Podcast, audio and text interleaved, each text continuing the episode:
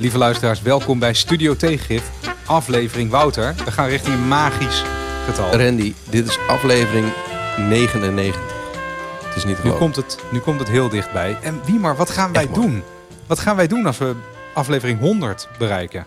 Wij gaan een live, lieve luisteraars, een live opname doen van Studio Tegengif. Waar jullie dus ook bij kunnen zijn. Ja, we willen heel graag jullie ontmoeten. Want jullie eh, luisteren eh, onze podcast nu al best wel lang.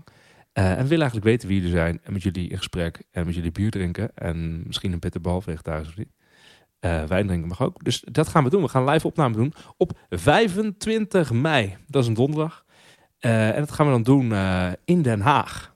Bij de in, bij de campus Den Haag, dus de Universiteit Leiden, geeft ons een plekje ehm, in het Wijnhavengebouw, Turfmarkt 99, dus bij Centraal Station, een paar minuutjes lopen. Eh, en dan eh, gaan we om half acht gaan we een inloop starten. En om acht uur gaan we opnemen. En iedereen is eh, van harte welkom om daarbij bij te zijn. En dat betekent dus dat de toegang gratis is en dat er hapjes zijn en zo. Maar vooral dat het gewoon leuk is om niet alleen een live opname te doen, maar ook daarna nog met elkaar het gesprek aan te gaan over studio tegengif. Nou, dus dat. Dat gaan we doen. Live Ja, en het, 25 het wordt hartstikke leuk. En als je denkt, ja, zal ik komen? Ik heb niemand om mee te gaan. Kom gewoon lekker alleen. En dan eh, wij vangen iedereen op praten. bij de deur. En het wordt hartstikke gezellig. En al zitten we daar met vier mensen. Ik weet het niet. Dat zou Maar het is dus belangrijk. Het is dus in het, hartstikke het is mooi. in het, het is in het eh, begane grond café van het Wijnhavengebouw. Dus je kan Hebben ze echt een leuke eh, bar daar bij de ja. Universiteit Leiden? Ja, dus je loopt zo naar en- binnen. Je, je ziet, kan het eigenlijk niet. Het is vanaf de straat zichtbaar. En wat ik, ik ga de link in de show notes zetten. En die gaan we ook nog wel even delen via eh vriend van de show. Eh, .nl slash studio tegengif. En de vraag is wel om mensen zich eventjes eh, daar... eh, kun, je gewoon even je voornaam en je achternaam opgeven en even aanmelden. Dan kunnen we een beetje in de gaten houden of er... Of we genoeg nog kunnen huizen. hebben gekocht. Ja, en hoeveel drank er moet zijn voor iedereen. Maar iedereen is dus welkom. En de link staat in de show notes. Meld je aan. Wees welkom. 25 mei in Den Haag. en ik, ik, geef mijzelf, ik vergeet mijzelf altijd op te geven. Dan kom ik er gewoon. En dat mag nu ook. Dat wordt hartstikke Nee, Wa- wat, waarom doen we dit dan? Nee, maar als je last minute Man, denkt van, man. zal ik toch komen? Gewoon lekker komen. Ja. Randy, dit zijn studenten daar. Er, er komt, ik, Nou, dat is dus donderdagavond. mooi. Dus- Er komt straks weer 100 man. Ja, 200. het is dus, eh, we kunnen daar dus, dus heel, heel de avond blijven. Dus je kunt dus ook gewoon studenten zijn en langslopen. Universiteit Leiden gaat het waarschijnlijk ook wat een beetje promoten bij de studenten. Worden wij geluisterd maar door gewoon- studenten? Denk je? Ik heb, ja, ik volgens mij luisteren Oh. een aantal van mijn oude studenten luisteren dit. Ja. Maar sowieso dikke kudo's zeg dan aan de Universiteit Leiden. Dat ze hier even, dat ze dit gaan eh, hosten voor ons. Dat Intellectueel eh, is natuurlijk mijn werkgever, dus ik, eh, ik ja, heel, dank, heel dankbaar. Fijn. Heel erg mooi. Nou, dit staat in de show notes. Dit gaan we helemaal spammen op Twitter en LinkedIn. En weet, weet ik veel waar we allemaal op zitten. Wie maar zit op TikTok. Nog, geloof ik.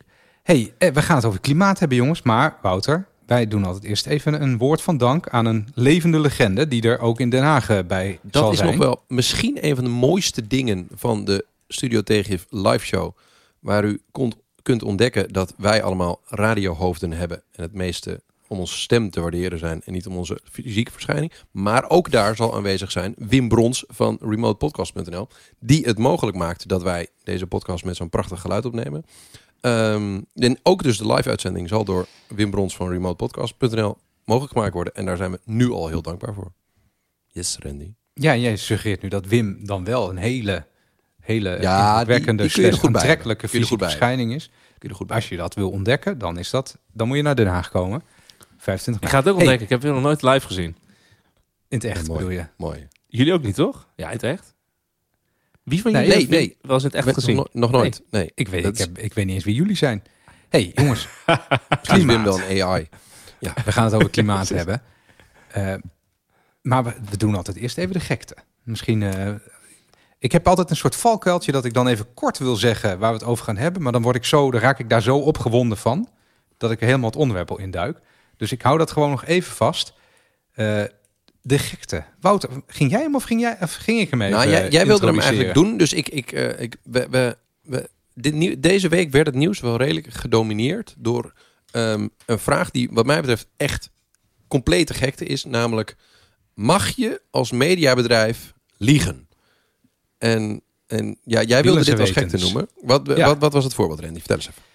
Nou ja, kijk, ehm, ik weet eigenlijk niet eens hoe het dan voldoet aan onze zuivere definitie van mediagekte. Want Eh, wat is er aan de hand? Fox News, iedereen kent het wel, eh, heeft, heeft na, de, na de presidentsverkiezingen in Amerika, die Biden won, is Fox News volledig meegegaan in, het, eh, de leugen, kan je gewoon zeggen, hè, van ex-president Trump, dat hij de verkiezingen had verloren, onder andere vanwege dat die stemcomputers vals waren. Dat drie op de 100 stemmen zouden automatisch naar eh, Biden toe gaan en dat soort, dat soort dingen. Nou, bij Fox News liegen ze iedere dag. Dat is, dat is hun businessmodel in feite. Maar de producent van die stemcomputers, dat is natuurlijk gewoon een commercieel bedrijf. En die dachten, ja, hallo, als wij, eh, als wij ons hier laten belasteren, dan zijn wij, eh, dan zijn wij failliet. Hè, dan gaan ze ook met eh, pen en papier stemmen straks, of weet ik veel wat. Dan huren ze een ander in. Dus wat hebben die mensen gedaan? Die hebben Fox News aangeklaagd voor 1,5 miljard euro of zoiets. Maar dat bedrag is niet eens zo interessant. Het gaat dus gewoon om de vraag, mag je liegen?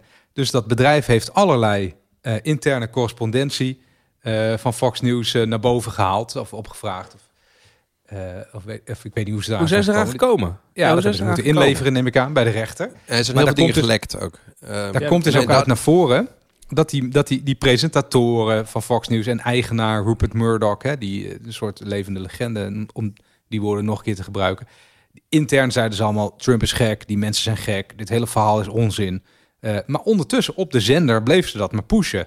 Eh, met ook natuurlijk als gevolg dat nog steeds tientallen procenten van de Amerikanen dit, eh, dit gelooft. Nou ja, lang verhaal kort. Dit is natuurlijk een rechtszaak van de eeuw in Amerikaans medialand. Mag je liegen? Ik vind het, ik vind het een mooie vraag. En het deed mij denken aan die vent van eh, Information... eh, eh, nee, Infowars. Infowars. Weer? Ja, pardon. Information War. Infowars. Alex Jones. Alex Jones. Die ook natuurlijk maar wat liep te liegen over, die, over zo'n schietpartij in Amerika. waar allemaal kinderen bij om het leven waren gekomen. Waarvan hij zei, oh, dat zijn acteurs. En die ouders, het zijn, acteurs, het is allemaal nep. En die, is, die was veroordeeld tot, tot, tot het betalen van honderden miljoenen dollars, geloof ik. En dit is, dit is zo'n tweede zaak die, die de Amerikaanse politiek totaal kan veranderen. Want als, dit, eh, als Fox dit eh, verliest, ja, dan moeten ze nog wel twee keer nadenken voordat ze leugens op de zender brengen. Iets wat, iets wat ze tot nu toe zonder enige terughoudendheid hebben gedaan. Nou, super interessant, zou ik denken. Eentje Ja. om te volgen. Ik hoop dat ze En niet gek- dan. En, en vooral gekte dat je erachter komt dat dus al die bekende presentatoren gewoon in, in WhatsAppjes en berichten naar elkaar de hele tijd gewoon erkennen dat dit mindblowingly nuts en, en eh, Ja, dat soort completely teksten, ja. insane is. Eh, dat ze allemaal weten dat het gelul is. Ehm, maar vervolgens, twee minuten later, camera staat aan, hartstochtelijk kunnen beweren dat er natuurlijk fraude is gepleegd. Ehm, en dat er daar via de rechter iets tegen. Ik weet je waar ik aan moest denken? aan dat in Nederland hebben we ook wel wat bekende zaken van partijen die gewoon kapot zijn gemaakt in de media. Ehm, en weten jullie nog het verhaal van Joep van het Hek die maltbier sloopte? Ja, Ja. dat is een heel bekend. eh voor, dat was ook iets. van, Ja, die, die Buckler, zo heet het spel. ja, Buckler, dat maakte hij helemaal Buckler. kapot. Ehm, en dat was, ook, ja, dat was ook in de media. Be- Beweerde die dingen die, ja, misschien wel, die maakten het gewoon voor sukkels. Ehm, en dat, ja, dat, dat, is ook, dat, is, dat is dan meer het randje van, eh, van, ja, mag je zeggen dat het iets voor suffe mensen is? Maar ja, het is wel een, een merk dat Ja. kapot gemaakt is. Ja, maar, Maar niet, oké, niet met maar van leugens, gewoon door, door het nee, sneu Joep van- te maken. Ja, Joep van maakte grapjes en eh, heel sneu. En dat, maar die eh, pretendeerde ook niet de waarheid te vertellen, eh, zoals Fox News wel doet. Nou, dat, dat ja. Het, Nou ja, dat is nieuws. Ze, ze, ze acteren de nieuws. Ja, het- hey, we gaan hier nu Ja, we gaan hier acteren, ze acteren journalistieke onafhankelijkheid en Ja. dat, ze de, dat ze de waarheid het zijn gewoon acteurs. op tv. Dat, dat, dat, dat Ja. erkennen ze zelf dat het acteurs zijn. Want als je achter het scherm telkens beweert dat alles wat je voor het scherm beweert onzin is, dan ben je een acteur. Dat is gewoon letterlijk wat je dan doet. En hoe slaap je dan s'nachts? Maar goed, dat, dat, eh, daar hoeven wij ons ook verder geen zorgen over te maken. hey, zullen wij even het klimaatthema in? Vinden jullie dat goed, jongens? Lijkt me een goed idee. ja, ik nu zeggen? nee, ja, nee, ik had het gevoel, Laten we dat het maar gevoel- doen. Ik had het nou, gevoel laat dat je het- wat... nee, klaar. Einde aflevering. Jongens, klimaat. Eh, ik moet eerlijk bekennen, ik vind het altijd ongelooflijk ingewikkeld. Alles eh, rond klimaatbeleid. En misschien is dat ook wel in ieder geval voor mij de reden dat, dat ik dit onderwerp in deze podcast altijd een beetje heb gemeden. Eh, want het hangt zo eh, met elkaar samen. En als, vaak als je beleidsstukken daarover leest of rapporten, dan, denk, dan heb ik toch wel vaak dat ik denk: oh jeetje, wat betekent dit ook alweer? En wat, wat staat hier eigenlijk? Maar het wordt gewoon tijd. Want er, er zijn een paar hele leuke dingen verschenen de afgelopen tijd. Een groot rapport, een zogenaamd IBO. Dan hebben we Wouter straks om dat, om dat uit te leggen wat dat dan is. Over wat dan slim klimaatbeleid is. En een tweede punt, en dat is waar die, al die ehm, mensen van Extinction Rebellion steeds over protesteren. Die zeggen, maak een einde aan fossiele subsidies. En daar ligt een eh, grote berekening hoeveel eh, fossiele subsidies er dan zijn. En in sommige jaren wel 30 miljard euro. Een astronomisch bedrag. Klopt dat dan? Laten we daar eens even ongelooflijk eh, streng naar kijken, zou ik denken. En vandaag in het nieuws, als u dit luistert, eh gisteren of eergisteren... het Europees Parlement stemt voor eh, strengere klimaatwetten.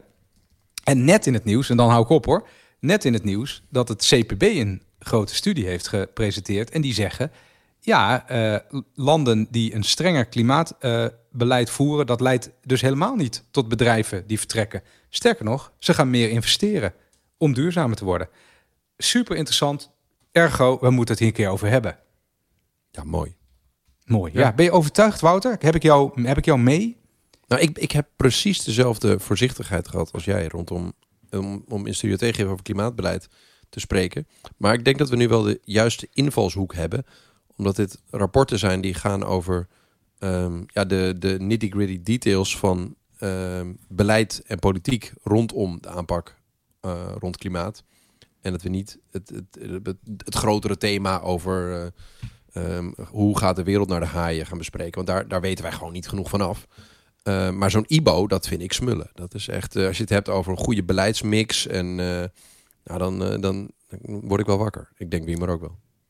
hey, misschien is het, is het leuk, als jullie het goed vinden, om even te beginnen met die fossiele subsidies. Hè? Dus die reden waarom al die, al die mensen met, met hun violen op de A12 uh, liggen, burgerlijk ongehoorzaam uh, te zijn naast het Malieveld. Hè, die snelweg uh, blokkeren, wat, wat steeds in het nieuws is. Die mensen zeggen, maak een einde aan die subsidies. En hoe groot zijn die subsidies dan? Daar is een gigantische controverse over, zou je kunnen zeggen. Vertel. Daar is dus een artikel over verschenen van Alman Metten. Hè, die wordt ook steeds in die, in die nieuwsartikelen wel genoemd.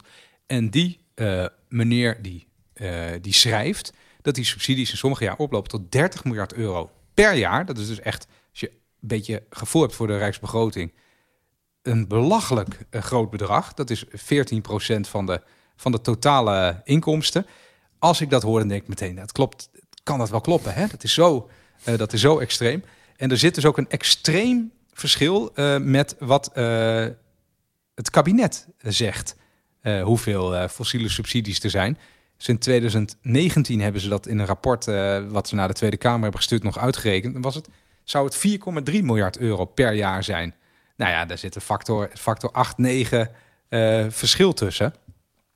Dus ik dacht, ik ga dit even, ik ga dit artikel even heel rustig, uh, heel rustig lezen. En wat, waar het dus allemaal om draait, en dat is ook wel een beetje een discussie, dat als jij dus, als jij dus energie gebruikt, wie maar, dan betaal je 13 cent per, per kilowattuur volgens mij.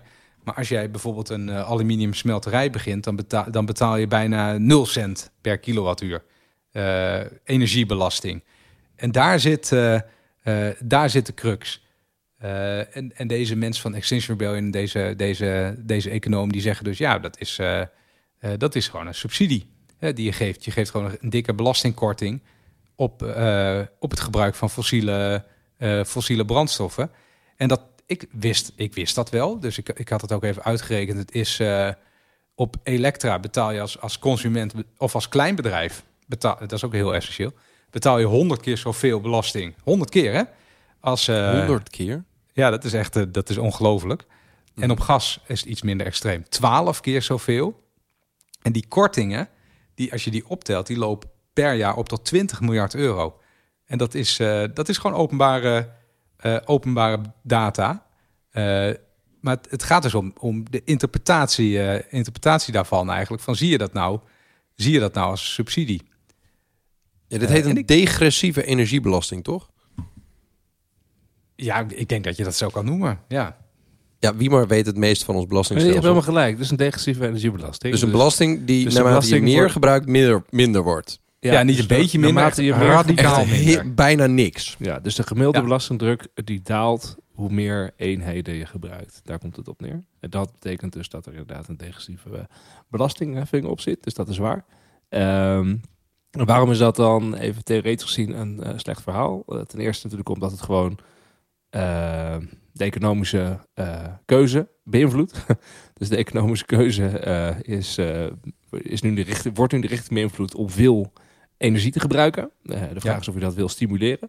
En weinig te Eh, veel energie gebruikt. En eigenlijk wordt dus niet gestimuleerd om minder energie te gebruiken. Dus om te innoveren in energiebesparende maatregelen. Sterker nog, eigenlijk wordt er een prikkel gemaakt om in energie vergrotende, maatregelen. weergebruikende energiegebruik wordt, eh, wordt eigenlijk gestimuleerd.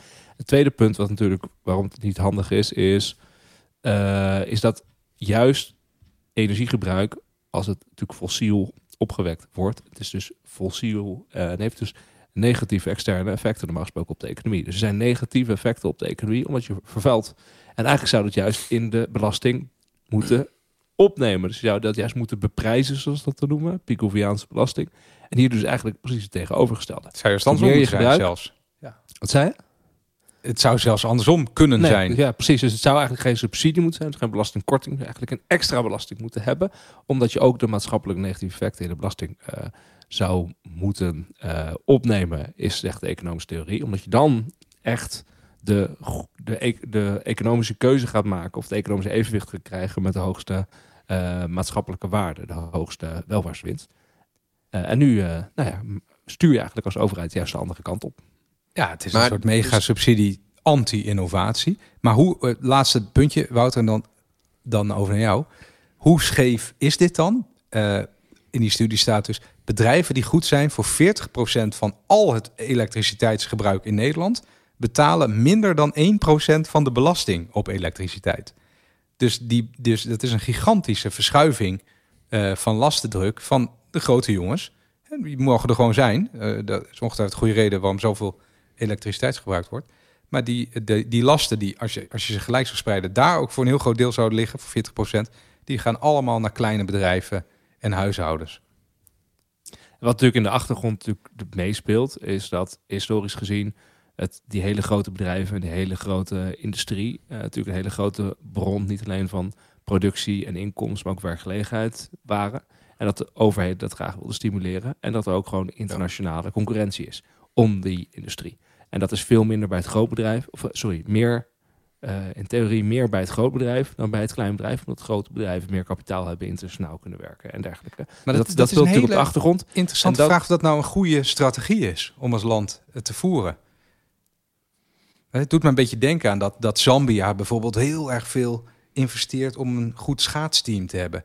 Want als je zoveel geld moet investeren om die bedrijven hier te ha- halen of te houden, misschien eh, investeer je dan onbedoeld wel in industrieën die, heel, die hier helemaal niet op een hele goede manier kunnen bestaan. Want die moeten we steeds geld toestoppen om hier maar te kunnen functioneren. Nou, ik denk dat er ook wel een argument tegen is. Dit zijn die, die ETS 1 clubs, dus die een hoge eh, emissie Ja, uitstoten. dat moet je even uitleggen, Energie- Wouter. Ja. Hij heeft in Europa, Europa een heel emissiehandelssysteem. en daar heb je dus een soort ETS-1-sectoren. En dat zijn, eh, dat zijn sectoren die eh, veel energie uitstoten. Dus denk aan eh olieraffinaderijen, staalindustrie, cement, glas, papier maken en elektriciteit, opwekking en eh, via kolencentrales zelf. Dat zijn dus allemaal industrieën die heel erg veel energie gebruiken. En toen dat bedacht werd, dat die uitzonderingen hebben, of in ieder geval dat er een regressieve belasting was, toen was het hele hoge niveau van uitstoten nog niet een ontzettend groot maatschappelijk probleem. In ieder geval, daar ging het debat nog niet heel over. Maar ging het er wel over, hoe gaan we de banen eh, behouden die dit Nederland op eh, eh, levert? En hoe zorgen we ervoor dat deze bedrijven die ook veel innovatie in de technologie veroorzaken, wel hier blijven en die innovaties hier gaan doen? Dus de prikkels om die partijen hier te houden waren veel belangrijker dan de prikkels om hen meer mee te laten betalen aan de energie die ze gebruiken. Ehm, en wat je dus ziet is dat nu de maatschappelijke drang om prikkels anders te gaan leggen, die is gewoon veel groter geworden. En daar hebben we misschien veel te lang niet naar gekeken. Ehm, we hebben veel te lang gekeken naar allerlei stimulerende prikkels om, voor partijen om, om dan maar zelf wat minder te gaan gebruiken. Of eh, subsidies daarvoor. Eh, en nu zie je steeds meer beweging opkomen, denk ik, om dit soort regressieve belastingen keihard aan te gaan pakken. En ik, ik denk dat dit, dit onderzoek daar een, eh, ja, de vinger heel goed op de zere plek legt. Dat ook de, laten we zeggen, de, de beleidsrekenmeesters tot nu toe eh, regressieve belastingen eh, toevallig nog eventjes niet als subsidie hadden gezien. En dat het misschien wel een goed idee is om dat wel als subsidie te zien. Want stel je zou een vlaktax op energiegebruik hanteren. Iedereen betaalt hetzelfde tarief. Ik ben heel benieuwd wat het voor de schatkist zou doen. Maar wat wel Nou ja, belangrijk dus is, hier heb 30 je gelijk, Wouter, dat is dus de, de aanvulling. Je hebt het nu, rende je eigenlijk over de nationale belastingen voor de industrie. Maar er is Ja. inderdaad ook een, ehm, een eh, emission trading system, dus het ETS-systeem, inderdaad op Europees niveau, waar zij steeds meer belasting moeten gaan betalen. Hè? Dus het, Ja, dat trekt, hij, krijgen trekt ze- hij dus zelfs weer van af. Dus, hè? dus het is wel. Oh, ik heb ook echt? naar Dat dat soort. nog bij? Ja, oké. ik heb naar dat, dat. Ik merk dat je het goed gelezen hebt. Maar ik, ik dacht ook van. Toen ik dat las, dacht ik. Hier, dit moet ik heel rustig lezen. Dit moet ik echt goed bekijken. Want hè, zijn hier dan alle eh, subsidies bij elkaar opgeteld en is de rest een beetje genegeerd? Mhm. Eh, of is het nou een reëel beeld? Eh, Ja. ja. maar dit is dus. Dit, mijn conclusie was: dit is, dit is, wel, een, dit is wel echt een, een reëel beeld. Je kan altijd over een paar dingetjes twisten, natuurlijk. Eh, Maar dit gaat dus om astronomisch grote bedragen. Dus Ja. ik, ik denk dat minister Kaag ook wel weet waar ze, waar ze moet kijken als ze straks gaten in de begroting moet vullen.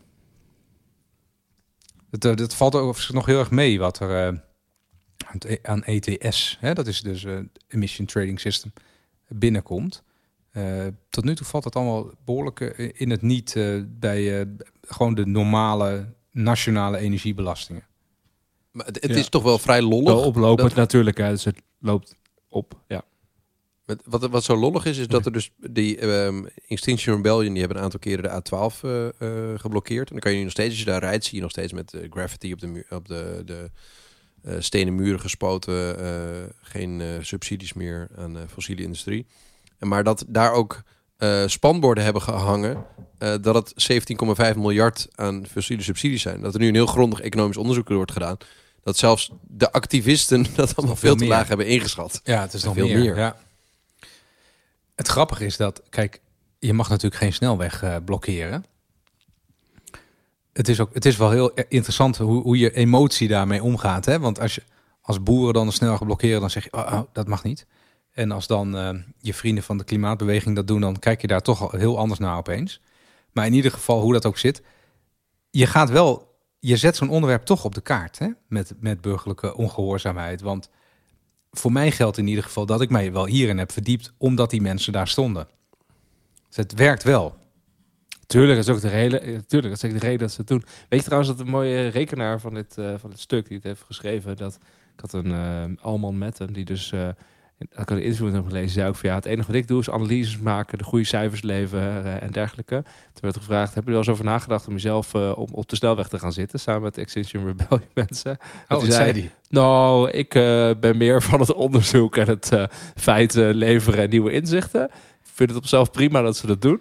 maar volgens mij moet ik er niet tussen gaan zitten. Maar hij is inderdaad eigenlijk de, de hofleverancier van, van, van cijfers voor die, voor die Extinction Rebel- Rebellion Group. Eh, ja, dat is wel. Ja, en het draait wel allemaal om, prima. die, om deze berekeningen eh, eigenlijk. Maar wat, wat, wat, eh, waarom vond je dit zo spannend, Randy? Vertel eens even. nou ja, twee dingen. schellen van je, vielen van je ogen, is dat Ja, vooral? jij zat op Twitter te ranten als een gek. Nee joh. Jij, dan pre- jullie presenteren mij altijd alsof ik een soort losgeslagen debiel ben. Dat is lom. Maar ik, had dit in een hele nette, hele nette uiting had ik dit eh, naar voren gebracht. Nou ja, maar twee redenen. Dit bedrag is hallucinant. Hè? Je kan er bijna geen, eh, geen goed eh, overtreffende trapwoord opplakken. Dit is echt een extreem bedrag. Eh, en ook als je, als je al, alle nuances erbij plaatst, dan blijft het een extreem bedrag. Ehm, en het tweede punt is dat als het kabinet gevraagd wordt van... hey, hoe groot zijn die fossiele subsidies? Dan komen er veel kleinere bedragen uit de bus. Dus iets, er zijn allerlei dingen die er dan niet meegeteld worden... maar bijvoorbeeld ook op energiebelasting betaal je eh, BTW. Hè, dat is ook iets wat je dan leert als je, dit, eh, eh, als je dus je eindelijk een keer erin verdiept. Ja, dat, dat wordt dan niet meegerekend. Snap je? Maar dat, dat, scheelt, dat scheelt weer hartstikke veel. Dus het is geen... het is niet echt een waarachtig, waarachtige berekening. waar, waar het kabinet dan mee komt richting bijvoorbeeld de Tweede Kamer. En dat is wel essentieel. Want in zo'n tijdperk dat mensen de overheid niet meer vertrouwen, ehm, dan als je dan dus steeds met dit soort berekeningen blijft komen, waarvan als er andere mensen beter naar kijken dat het dan niet klopt, ja, je zet je geloofwaardigheid gewoon op het spel. Eh, en die is, die, is, die, is al, die is al, hoe zeg je dat? Zwaar beschadigd, kan je zeggen. Ja, ik denk eerlijk gezegd dat eigenlijk er gewoon heel weinig zicht was op al deze belastingkortingen. Omdat in het begrotingsbeleid is het gewoon zo dat de uitgaven van de overheid, daar is behoorlijk veel zicht op. Maar het is lang zo geweest dat de, de, de belasting, dus de, de subsidiekant, de uitgaven, die kant, zeg maar, daar is veel controle op. eh, ook in, de, in het hele Ja, interne dat speelt wel een, dat speelt wel een rolletje inderdaad. Maar de, in het begrotingsbeleid is gewoon de, de belastingkortingen. Dus de, de, de alle FS-kortingen, aftrekposten, dit soort vrijstellingen en dat soort zaken. Die, die, daar is gewoon veel minder zicht op wat er precies allemaal is. En vooral ook wat dan vervolgens het budgetair beslag is daarvan. Dus ik denk echt dat eh, het ministerie van Financiën ook, of, of EZK, ik weet niet wie hier precies... eh, eh, ik denk dat allebei de ministeries hier eh, hun best hebben gedaan om antwoord te geven op deze eh, vraag van allemaal metten. Dat die ook gewoon echt moesten gaan zoeken. Van hey, wat is hier eigenlijk? eh, hoe berekenen we dit eigenlijk? Wat Ja, hebben ja, we? Wat dat- is het dat- belang? Zijn er dat is klopt heel veel. wel. Ja, er zijn heel veel ehm, eh, ook ambtelijke analyses en adviezen geweest die gewoon zeggen ja, op de op de eh, belastingkant van de begroting, ja, daar kan je heel veel kan je, of kon je in het verleden gewoon echt meer maken als ministerie, meer voor elkaar krijgen om doelgroepen eh, te stimuleren of douceurtjes of kortingen te, te geven of gedrag te stimuleren. Het komt via belastingen veel makkelijker via de uitgavenkant. Dus je ziet dat er Ja. allemaal eh, posten zijn ontstaan. Ehm ja, ook Nou, dat is wel duidelijk, want dit, dit is ongelooflijk lang onder de radar gebleven. Eh, Ja. Maar ik blijf wel bij mijn punt dat dit verschil is, is, is zo groot dat Ja. dat, dat dat natuurlijk het vertrouwen schaadt. Nou is het wel zo dat eh, toen, eh, toen de rekenmeesters van de ministeries nog een keer ernaar keken, toen ging het van nou, 4,5 miljard naar, ik heb het hier eh, eh, voor mijn neus, 13,6 of 13,7 miljard. Dat is toch Dus het is-? Ja, het is, ja, Oh ja. Ah, het, is toch, het is toch vier keer zo groot. Ja, en- maar het is dus nog veel groter. Het is acht keer zo groot of negen keer zo groot. Nou, wat, wat ik de interessante ehm, eh, soort van prikkel vind die heel weinig mensen kennen, is dat als je ehm, ergens politiek heel veel ehm, geluid om wil maken, dan doe je ergens geld bij aan de uitgavenkant. Dan ga je zeggen, ik ga iets doen en dan doe je 100 miljoen erbij. Kan je heel hard Ja. op de trom slaan. 100, 100 miljoen. miljoen. voor met probleempje dat mijn partij belangrijk vond. Als je echt iets in het gedrag van mensen wil wijzigen, dat was in het verleden heel vaak zo, dan kon je dus zo aan een prikkeltje draaien rondom een regressievere belasting eh, of een, eh, een, een kleine prikkel die je aan de inkomstenkant van de overheid eh, deed. Hoor je heel weinig over, is, heel saai, snappen mensen niet. Maar kun je wel echt heel wezenlijk iets in, op een jarenlangere termijn eh, in het beleid aanpassen.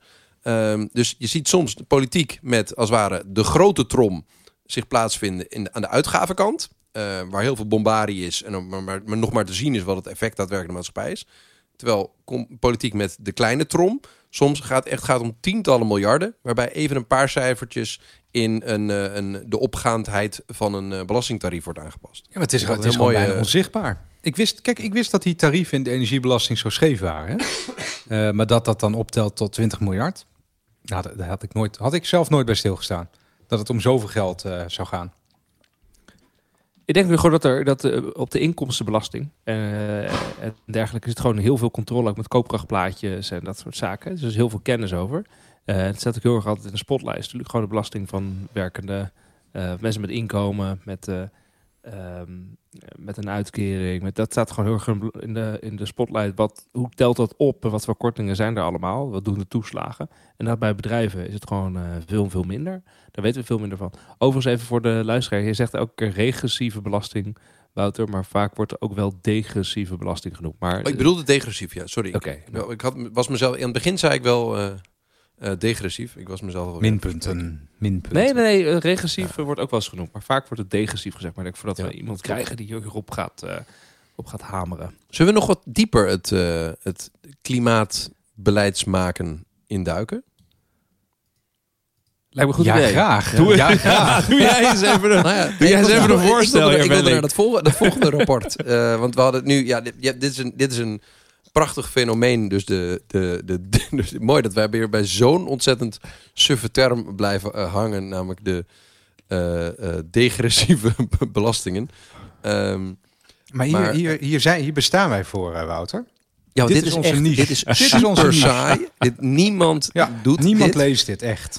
En wij hopen nu dat allemaal super gave mensen die heel leuk zijn, dit nu opeens weten. En dan op ja, dat iedereen ze weten wat regressieve of Oh, degressieve en dat, belastingen oh, wat? zijn. Als bedrijf betaal je dus honderd keer zo weinig eh, belasting Ja, over je is- energie. Uiteindelijk is dat het enige wat je hoeft te burger. onthouden. Dat, Ja. dat, moet je dus, dat moet u dus eventjes onthouden. Honderd Eh, keer zo nee, maar weinig. wat, wat, ik wil even naar een wat serieuzer rapport. Dus dat- dat was dat, eh, eh, dat is een IBO, eh, een, eh, het interdepartementaal beleidsonderzoek. Eh, verschenen dat een onwijs sexy titel heeft. Dat heet Scherpe doelen, scherpe keuzes. IBO aanvullend, normerend en beprijzend nationaal klimaatbeleid voor 2030 en 2050. Da- nou, luisteraar, dan ben je Ja. al kwijt. Na zo'n titel ben je eigenlijk 90% van je potentiële lezers al, alweer kwijt. Ja, vooraf dat is onterecht. Deze Dat is we aan het onterecht. speculeren of deze titel nou door een communicatiebureau zou zijn eh, bedacht. Of door de schrijvers van dit rapport eh, toen ze klaar waren op een bierviltje. Ehm, ik weet het niet. Ik denk toch echt dat er echt wel, wel door communicado's... Ja, maar eh, de over slechtste communicatieuitingen zijn vaak het duurst. Is mijn, Ja, dat, is mijn dat klopt. Ja. Daar wordt het meest voor gefactureerd altijd. Ja. Eh, Het is maar wel ik zo vind- dat dit, eh, dit, dit IBO is dus eh, voorzitterschap van Laura van Geest. Hij is de huidige baas van de AFM, eh, directeur van het Centraal Planbureau geweest en bij het ministerie van Financiën lang gewerkt. We hebben een keer een, eerder een IBO onder haar voorzitterschap besproken, namelijk het IBO vermogensverdeling. Dus je merkt Ja. wel dat waar Johan Remkes, uit de, Johan Remkes uit de kast wordt getrokken op het moment dat het over stikstof gaat... eh, wordt Laura van Geest ergens neergezet als we het moeten hebben over belastingen. Ja, maar dat En is een, en am- een vermogens- ambtenaar en waar je echt respect voor moet hebben hoor. Dat vind ik echt, dat is een echt een ambtenaar. Moeten we al die mensen niet gewoon een keer in, een- in de treffenzaal eh, zetten? Dit zijn de mensen die Nederland eh, echt regeren. Nou, in ieder geval adviseren. respect. Ah, maar Nou ja, dit, wordt, dit wordt, hier wordt uitgeshopt eh, natuurlijk straks. En nu gaan we de mensen die met Laura van Geest werken, of zij zelf dit natuurlijk horen. Eh wie maar heeft haar Ja. trouwens al een keer in de zaal gezet.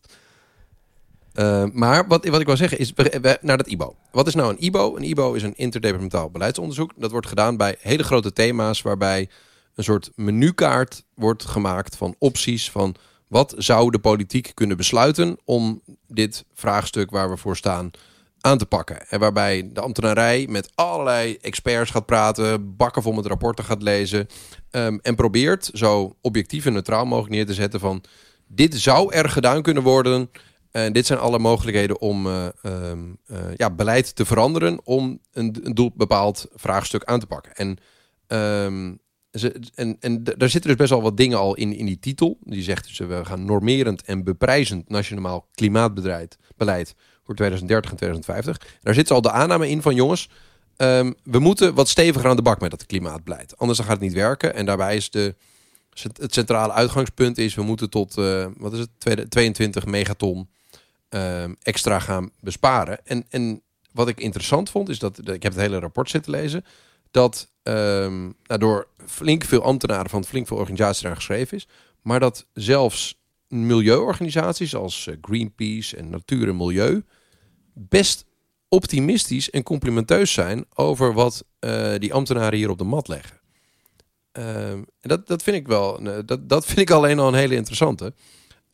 Dat er een soort eh, set met fiches, die wordt dan meegeschreven. Een fiche, dat is een onwijs belangrijk ding in Den Haag, hebben we al eerder eh, benoemd in eh, Studio Tegengift. Dat is een soort, dat, dat was ooit één fiche, net als je in het casino hebt, gewoon één klein dingetje. Maar dat is eigenlijk gewoon een kaartje met een beleidsplannetje erop. Eh, de bedoeling is dat het klein is. Ooit was het één pagina, maar fiches bestaan tegenwoordig uit ongeveer vier pagina's. Ehm, en bij dit IBO zit er een hele set van, ik denk echt tientallen fiches eh, die eh, met opties om het klimaatbeleid eh, ja, krachtiger aan te pakken. En zelfs dus al die activistische milieu- en natuurorganisaties geven aan van ja, nu hebben we voor het eerst een rapport uit Den Haag waar hele serieuze maatregelen in staan waar wij wel mee kunnen leven. Dit, Dat- dit, dat- één dingetje, hè. Dit rapport kwam heel dom in het nieuws ook. Ik heb het AD onder andere, dat is een van mijn vele Oh ja. krantjes thuis. En jij verwachtte echt weten. geniaal nieuws toen je dat opensloeg. Nou ja, ik weet niet wat ik, eh, welke verwachtingen ik precies eh, heb als ik het AD opensla. Maar in ieder geval, dit rapport kwam in het nieuws, zo kan je het gezien hebben. eh, dat, dat er in, staat, we moeten minder vlees eten. Hè, dus dat is, dan, dat is dan ergens op pagina 100, eh, is dat dan een van, de, een van de dingetjes. En dat wordt er dan uitgelicht. En toen, toen, toen dacht ik wel van, hier, hierom bestaan we dus, hè, met Studio Tegengif. Dat wordt er dan ergens uitgecontrol-eft. Daar wordt even een nieuwsberichtje omheen eh, eh, geknald. En dat miskent natuurlijk totaal eh, wat er dan echt in zoiets staat. Omdat niemand daar blijkbaar zin heeft of tijd om dat te lezen bij zo'n krant. Maar het is één, dat is één fiche van de, nou, ik denk wel 100. En het Ja. is ook nog eens, wat is het, fiche 3.6 ja, over, dat is de, de, de, de alleronbelang- van... Oh, jij, weet, jij kent ze uit je hoofd. Ja, maar het is gewoon heel onbelangrijk. En het is ook maar heel klein. Het levert Ja. ook maar heel weinig op. Dus dat gaat de- toch niet precies, het- er zijn veel grotere maatregelen op het gebied van landbouw, mobiliteit, vliegen, autogebruik, gebouwde omgeving, isolatie. Ehm, en als dan een krant, eh, laten we zeggen, eh, op pagina 150 één maatregel over een belasting op eh, vleesconsumptie eruit plukt, dan hoef je maar één conclusie te trekken. Ehm, eh, deze krant had alleen een stagiair om het te lezen. Of eh, ze hebben überhaupt geen zin in enige vorm van maatregel op dit domein. Ja, dan doe je gewoon je best niet. Ik Ja. vind het een leuke krant hoor. Maar dit, dan doe je echt je best niet. Heb ik, heb, ik wil even bij checken. Ik heb een beetje goed uitgelegd wat een IBO is. Ja hoor. Ja? Wil je dat ik het nog een keer doe? dus, een IBO is een Nee. eh, werkgroep van ambtenaren van alle- allemaal verschillende ministeries. Hij gaat het echt letterlijk nog een keer doen. Dat is heel belangrijk. En er zit dus altijd een werkgroep bij. Dus hier zit ook een werkgroep, secretariaat, sorry, secretariaat bij. Met een aantal eh, mensen van verschillende ministeries, experts. En die praten met de buitenwereld om nieuwe invalshoeken en, eh, en kennis en kunde binnen te halen. Om eigenlijk het ambtelijke debat, maar vooral de ambtelijke gedachtenvorming en ook volgens de politieke gedachtenvorming en hopelijk besluitvorming te sturen. Dit gaat best een, belangrijk rapport worden, omdat minister Jette inderdaad aangekondigd heeft om, eh, of eigenlijk het kabinet, om met aanvullende maatregelen te komen, omdat het kabinet op 60% CO2-uitstootreductie stuurt. Ja, en wat, wat ook nog wel belangrijk is, volgens mij eh, staat er ook ergens in, dat een spelregel is dat alle maatregelen die ingebracht worden, die komen er gewoon in. Dus er worden geen veto's eh, ge- gedaan. hè? Dus, dus, Onafhankelijkheid. dus Ja, het is niet dat Laura van Geest zegt, ja maar jongens, zo'n gakballenbelasting, dat ligt politiek gevoelig, dus dat hou ik uit het rapport. Dus alles komt er, alles komt erin, zodat politici, die er uiteindelijk over gaan, daar eh, vrij keuzes uit kunnen maken en niet een, een voorgekoud minuutje eh, voorgezet eh, krijgen vanuit de ambtenarij. Nee, Dat maakt dat AD-artikel extra kleur, onterecht. Ja, dus elke politieke kleur, om zo te zeggen, zou hieruit moeten kunnen putten. op het moment dat ze in ieder geval de doelstelling onderstrepen dat je naar 60% CO2-uitstootreductie gaat in 2030. Ja, maar goed, ook als je Ja, naar 30% minder wil, dan kan je het bij elkaar puzzelen uit Ja. dit rapport. Ja, dat is een beetje de, de ambtelijke menukaart eh, wereld voor de politiek natuurlijk. Ja. Zat er, dat- zat er nou eh, iets in waar je heel erg van opkeek, eh Wiemar? Eh, nou, wa- algemeen twee dingen. Namelijk eh, wat hoger over dat ik heel erg... Nou, we hadden het eigenlijk aan het begin van de uitzending natuurlijk over beprijzen. Dus beprijzen van negatieve externe effecten. En de economen zeggen vaak, je moet meer belasting gaan heffen. Hè, want dan komt het allemaal wel... Ik zeg Wat, wat, leg woorden. even uit voor iemand wel die goed. eh, niks heeft met cijfers wat beprijzen is. Dat, dat, de, eigenlijk zou je klimaatschade zou je, een, moeten, zou je moeten belasten. Dus iemand die klimaatschade aanricht, dus in dit geval de CO2-uitstoot, Die eh, moet een betalen. negatief effect, die moet meer betalen. Dus dat betekent dat de, de, de, de, de, energiebelasting, die het net over had, dat die dus fors omhoog zou moeten gaan. Of, hè, dus een, of een CO2-uitstootheffing, zoals hier ook in staat. Hè, in dit, eh, in dit eh, IBO als, als optie. Er staat ook een vliegenbelasting in en heel veel andere belastingen. En die eigenlijk, het enige wat die doen is, nou, in de kern, is die negatieve externe effecten beprijzen. Dus dat duurder maken. Ehm, maar je ziet hier heel veel dat het toch gaat ook over normeren. En dat vind ik wel een hele grote, eh, voor mijn gevoel is dat een grote verandering waar Wat, we in wat is dat voor normale mensen? nou, dat je gewoon eh, re- regels gaat opstellen. Van hey, eh, op, in een bepaald jaartal bijvoorbeeld eh, moet, eh, moet, de, moet mobiliteit moet schoner zijn. Er staat bijvoorbeeld het, het voorstel in dat De in het jaar benzineauto wordt verboden. 2025 dat eh, alle leaseauto's elektrisch moeten zijn. Ja. Ehm, dus niet meer benzine. En dat is eigenlijk eh, normeren. En zeg je eigenlijk gewoon tegen de markt, nou weet dat dat eraan zit te komen en eh, ga er maar aan werken. En ga maar innovatief zijn en zorgen dat dat, eh, dat, dat gaat gebeuren. Maar dat is dus wat anders dan dat je gaat zeggen, we gaan leaseauto's met eh, brandstof, de fossiele uitstoot zwaar, zwaar belasten. Dus je, dit is, ja, Dat dat, is normeren is echt een grote, ja, ja, dat zou dus prijzen zijn. En normeren, dat zie je echt nu opkomen. En dat is nu, ook in Europa zie je dat opkomen. Dus eh, ik zie dat, dat vind ik wel nieuw. En dat we hadden eerst met Bern, eerder met Bernard de Haar ook over, hè? over eh, zijn energiesysteem 2050. We zien dat ook als een, als een verandering. Ehm, want je gaat eigenlijk zeggen tegen hele productieketens, eh, ja, dit is de nieuwe werkelijkheid. Dit is de nieuwe regelgeving waarin terecht komt. Dus ga je maar aanpassen. En dat vond ik dus een hele verandering die heel duidelijk in terug zit. Dus er zit heel veel ehm, normeren in. En het tweede wat me heel erg opviel is de, dat je ziet dat er zijn meerdere rapporten natuurlijk afgelopen periode naar buiten gekomen. Onder andere dus inderdaad van uh, bijna te haar over het energiesysteem 2050. Maar deze ook. Het gaat steeds meer over de rechtvaardig klimaatbeleid. En over het, uh, uh, over eigenlijk het verdelen van de baten en de lasten. En dat je draagvlak moet krijgen en participatie. En dat, is, nou, dat zie je hier ook weer terug. Uh, dat vond ik wel bijzonder. Maar hoe, en hoe, hoe zie je dat, dat je dat vaak hebt in een IBO? In een IBO is vaak gewoon een, een Ja. bak met maatregelen waar, ze uit, waar uit gekozen kan worden. Wordt er niet zo'n waarschuwing bij gegeven. Maar en hoe zie je dat hier dan in terug? Want kijk, de IBO's eh, in, in Den Haag ziet me dat altijd als... Ja, dan gaan eh, vooral de ministeries van de bonentellers, die gaan aan de slag.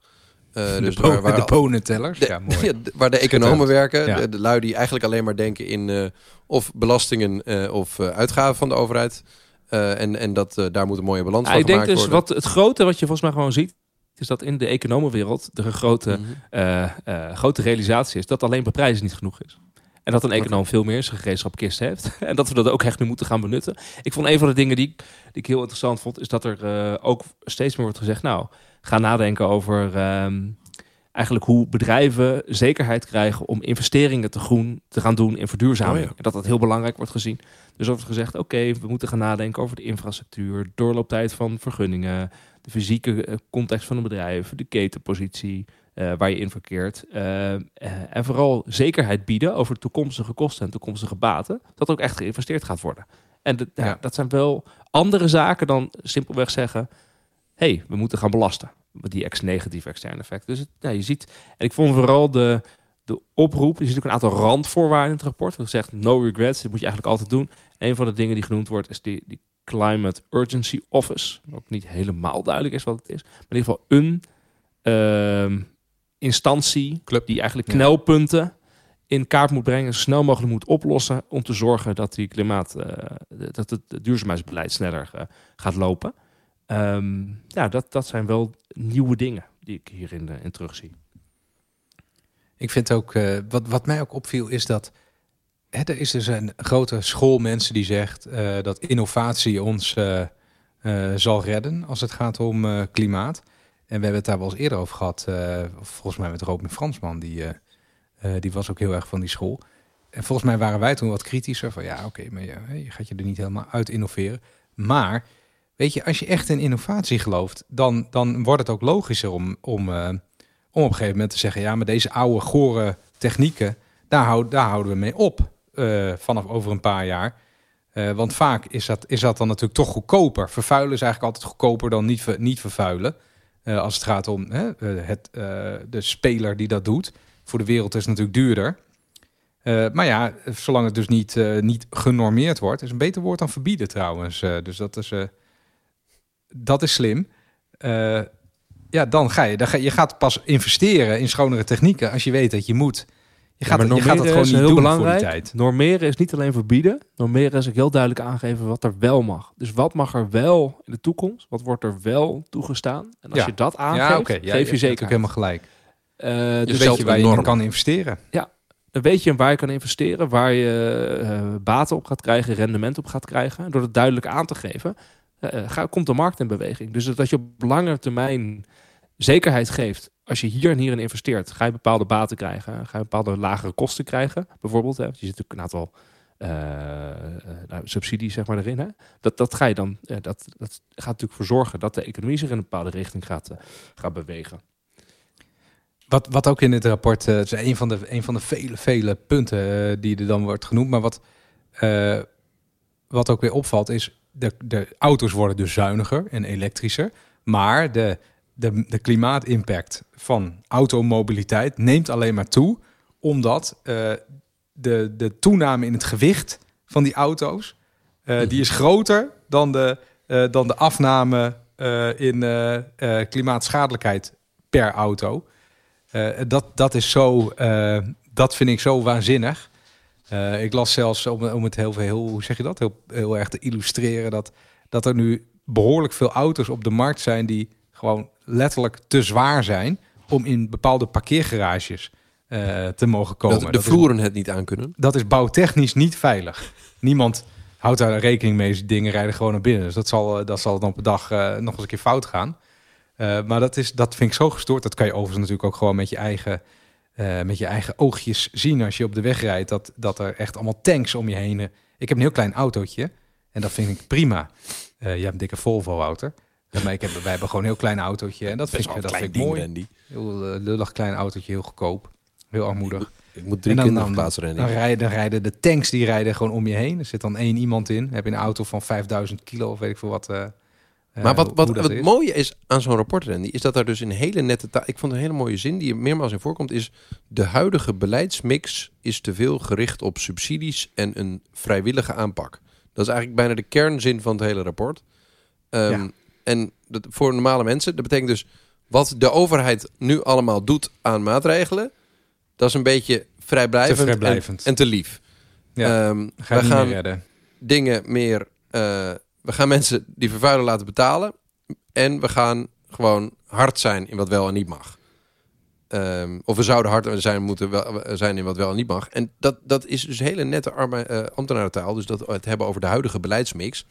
Ehm, Ja, eh, ja, maar dat jij veranderingen dat gewoon woord- nodig zijn. Als jij dan zegt, hè, we, gaan, we gaan mensen die vervuilen laten betalen. Dat, dat, dit is een vraag, hè? Ik weet, niet of het, ik weet niet of het zo is. Dat wekt de suggestie, en dat roepen ook heel veel mensen. Ja, eh, we worden armer van klimaatbeleid. Eh, hè, want dat is duurder. Dus, dus we worden armer, want het wordt allemaal gek is doorbetaald. dat, dat dit Ik rapport dat probeert niet. dat dus ook te beprijzen.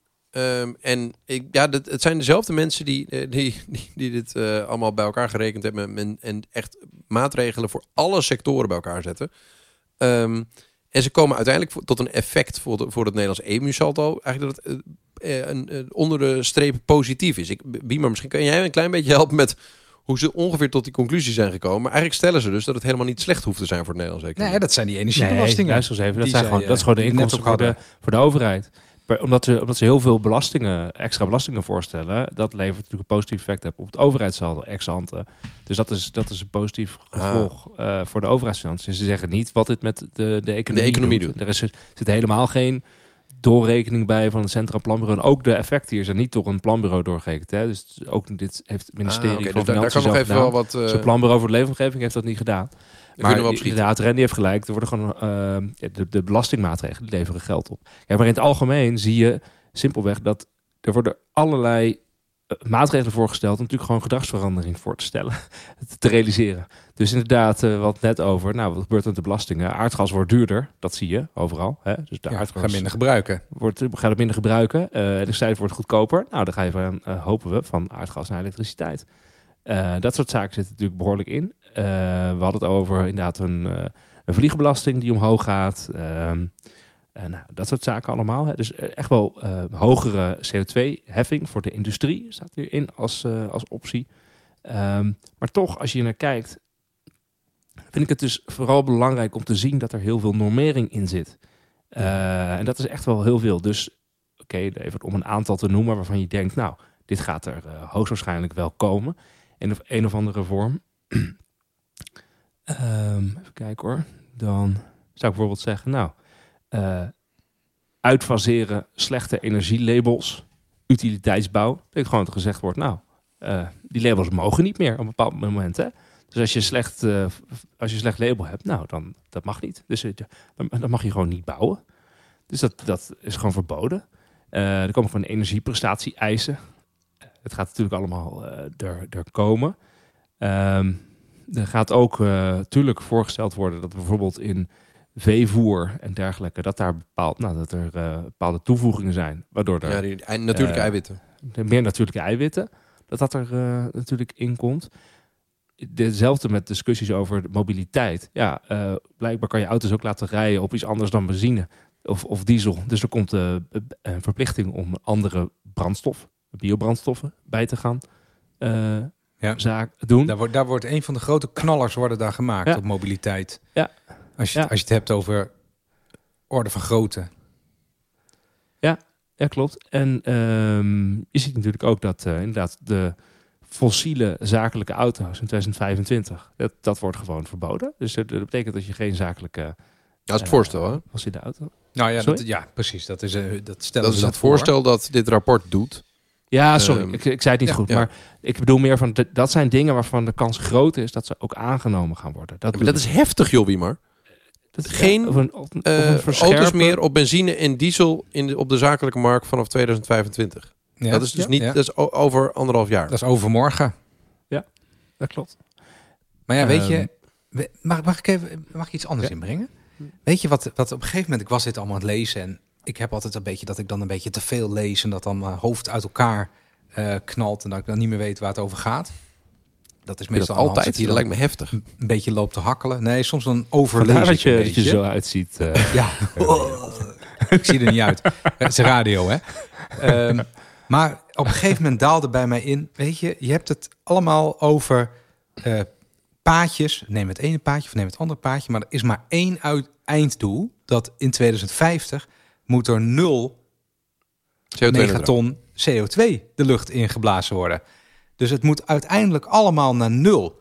Eh, dus we hebben het eigenlijk alleen, en daarmee is het niet onbelangrijk of zo, we hebben het alleen over, eh, ja, doen we eerst, eh, eerst een beetje meer landbouw of eerst een beetje meer mobiliteit, hè? of nemen we deze maatregel of deze maatregel. Maar als bedrijfsleven, op, op de echt lange termijn weet je waar je aan toe bent, Ja. niet meer vervuilen. En 2050, ja, voor mij voelt dat best dichtbij, zo over 30 jaar. Hè, vermoedelijk eh, eh, leven wij, hopelijk leven wij eh, dan nog. Demografisch gezien zou dat, zou dat het geval moeten zijn. Moet het gewoon nul zijn. Het is heel simpel. Dus met alle patenten en al het wetenschappelijk onderzoek waar je mee bezig bent, al je nieuwe producten, geen uitstoot. Uitstoot is gewoon vervuiling. Geen vervuiling. Nou, dat wil ik even zeggen. Nou, je bedoelt dat het, dat, dat het best mooi is, of nou, in ieder geval interessant, dat een rapport door allerlei ambtenaren dat gewoon als stip op de horizon neerzet. Van dat, dat is waar wij nu een heel. Ja, eh, nou ja, dat had van politiek ook al gedaan. Maar op zich, Ja. het, het is dus super ingewikkeld. Maar uiteindelijk is het heel simpel. Geen, geen, niet meer vervuilen. En dat kan dus ook. Dat kan dus ook gewoon. Hè? Je kan dus een economie hebben zonder eh, steeds te vervuilen. Want dat is, dat is iets wat steeds naar voren wordt gebracht door mensen die, die dit dan willen afremmen en dergelijke. Ja, nee, maar als we wel welvarend willen blijven, dan moeten we vervuilen. Dat is dus, dat is dus niet zo. Nou, Ja, daar, daar het gaan nog wel heel belangrijk veel om er dingen zo naar te- worden. Ik denk dat het heel belangrijk is om er zo naar te kijken van technologisch kan er al veel en veel en veel en veel en veel meer Ja. dan wat we nu doen. Alleen we ja, precies. gebruiken die technologie niet. Waarom niet? Omdat we niet de goede, nou niet de goede, als naar dit rapport goede niet incentives goed beleid voeren, Beleidsmix. eh, of niet een goed strategisch beleidsmerk inzetten, of niet genoeg, of niet de juiste eh, maatschappelijke inbedding organiseren met elkaar. En dat, Ja. is, dat is eigenlijk wat hier gebeurt. Ehm, dus het is ook wel lastig van, eh, we worden allemaal armer.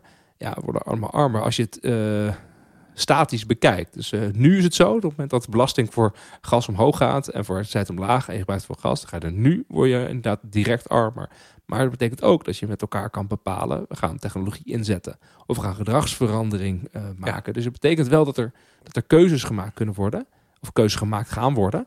En die probeer je natuurlijk te stimuleren. En dat kan doen door prijsprikkels, of je kan het doen door gewoon te normeren. Gewoon te zeggen, ja, je mag een bepaald bedrag, gedrag mag wel, een bepaald gedrag mag niet meer. Ja, dat is eigenlijk het lastigste. De kost gaat voor de baat eh, uit. Dat Ja. staat ook eh, ergens erin, letterlijk, geloof ik. Ja, en het lastige is dat wij een aardsconservatief land blijken te zijn. Waarbij het gewoon godsgruwelijk moeilijk is om hard normerend op te treden. Waarbij er hele grote bestaande belangen zijn om dat niet te doen. We vinden onszelf altijd een heel progressief land dat heel erg eh, vooruitstrevend is en innovatief. Eh, maar als het gaat om daadwerkelijk eh, bestaande belangen in de portemonnee raken. en bestaande belangen die ook geholpen worden door de belastingmix die wij hebben. Dan vinden we dat ontzettend moeilijk in Nederland. En dan gaat dat gepaard met heel Ja. veel hele lastige vergaderingen. Nou ja, en, en we hebben het steeds over wat, hè, wat kan je zelf doen? Wat kan, de indi- hè, wat kan je Ja, in je eigen het consumptie... allermakkelijkste eh, eh, dooddoener is het probleem dat wereldwijd collectief mondiaal is, individualiseren. Het is Eh, natuurlijk niet, niet voor niks een bekend fenomeen dat oliebedrijven en dergelijke die, die manier van denken heel erg Gewoon alles hebben. individualiseren. Ja, eh, wat kan je zelf doen om groener te vliegen? Hè? Dus de Shell, Shell had dat ook toch, de, de Green uh, Hubble the Pup eh, Challenge. Dat is natuurlijk belachelijk. Alles, Niemand gelooft daar ook in. Dat, dat, dat het probleem individualiseren, dat het iets verandert. Een beetje, ja, de misdaad stijgt, jongens. Oh, oké, weet je wat? Ik ga stoppen met stelen. Nee, oh ja, oké, dan is het klaar. Ja, misdaad bestaat hoeft geen meer. beleid te voeren. Als Wouter gewoon stopt met stelen, dan, eh, dan is het klaar. Het is, het is zo imbeciel, eh het individualiseren van zo'n eh, van zo'n immens probleem. Eh, Je mag er eigenlijk vanuit gaan dat, dat mensen die daarmee komen, die lopen de boel te saboteren. Die willen het niet hebben over, eh, over echt serieus beleid. Weet je, eh, grote, grote, grote fabrieken die nu op oude achterhaalde techniek draaien, omdat dat gewoon winstgevend is.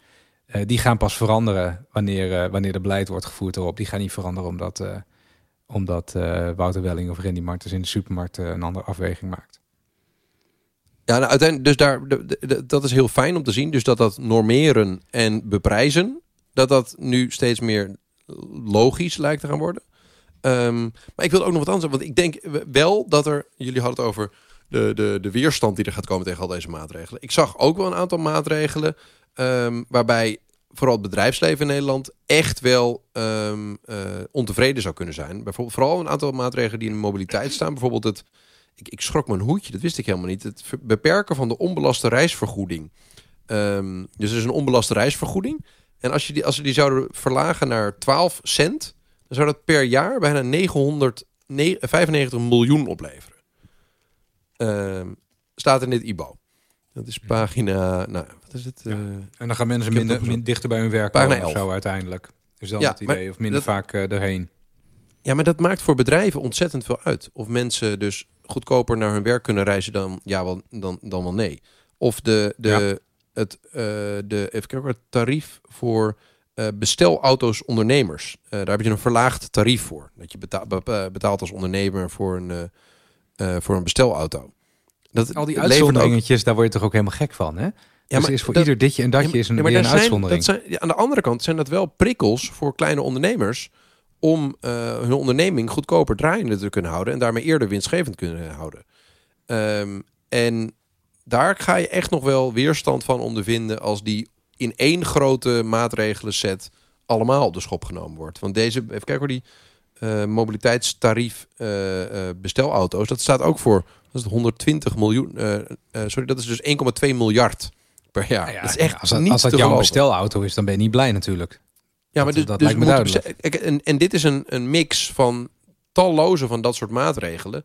Ehm, die allemaal een klein beetje eh, extra kosten met zich meebrengen voor partijen die vervuilen.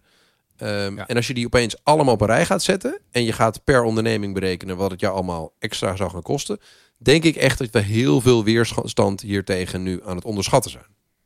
Ja, maar dat betekent ook, dit is gewoon de grootste, de grootste verbouwing van de economie. Ja, van onze economie. In, in- Ja. van onze economie die wij ooit hebben gezien. En dan zeg maar eh, een verbouwing die bewust is. Omdat we gewoon willen dat we een bepaalde transitie gaan maken met elkaar.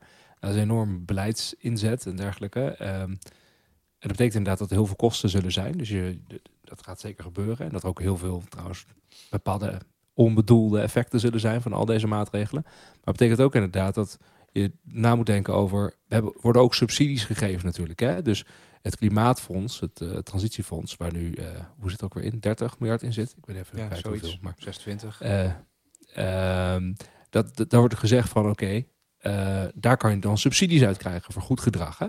Er zijn ook allerlei subsidies ook. Op het moment dat je juist wil investeren, je wil veranderen, dat je dan wel ook geld kan krijgen, een compensatie kan krijgen. Dus dat zit er niet in dit rapport, maar dat, dat is natuurlijk wel beschikbaar.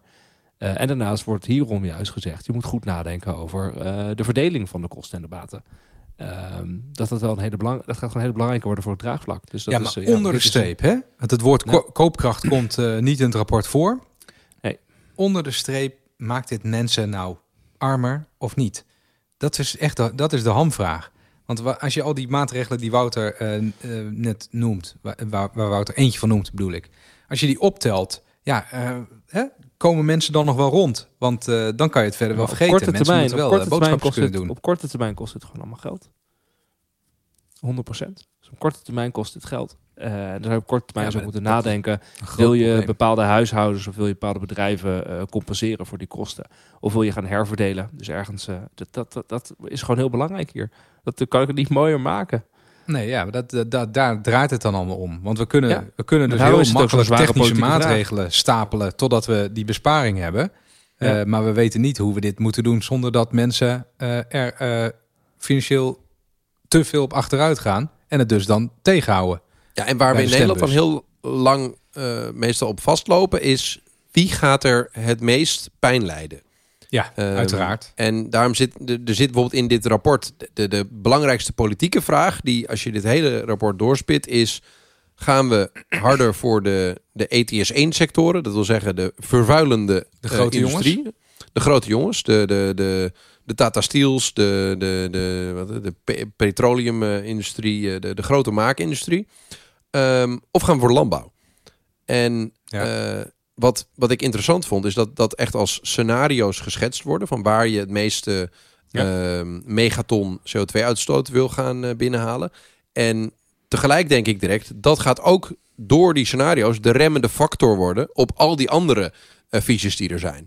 Ehm, want hier kan je heel lang politiek over bakkeleien. En hier kun je heel goed als belangenvereniging op insteken. eh, door de, de, de politieke kleur die een klein beetje bij jou hoort.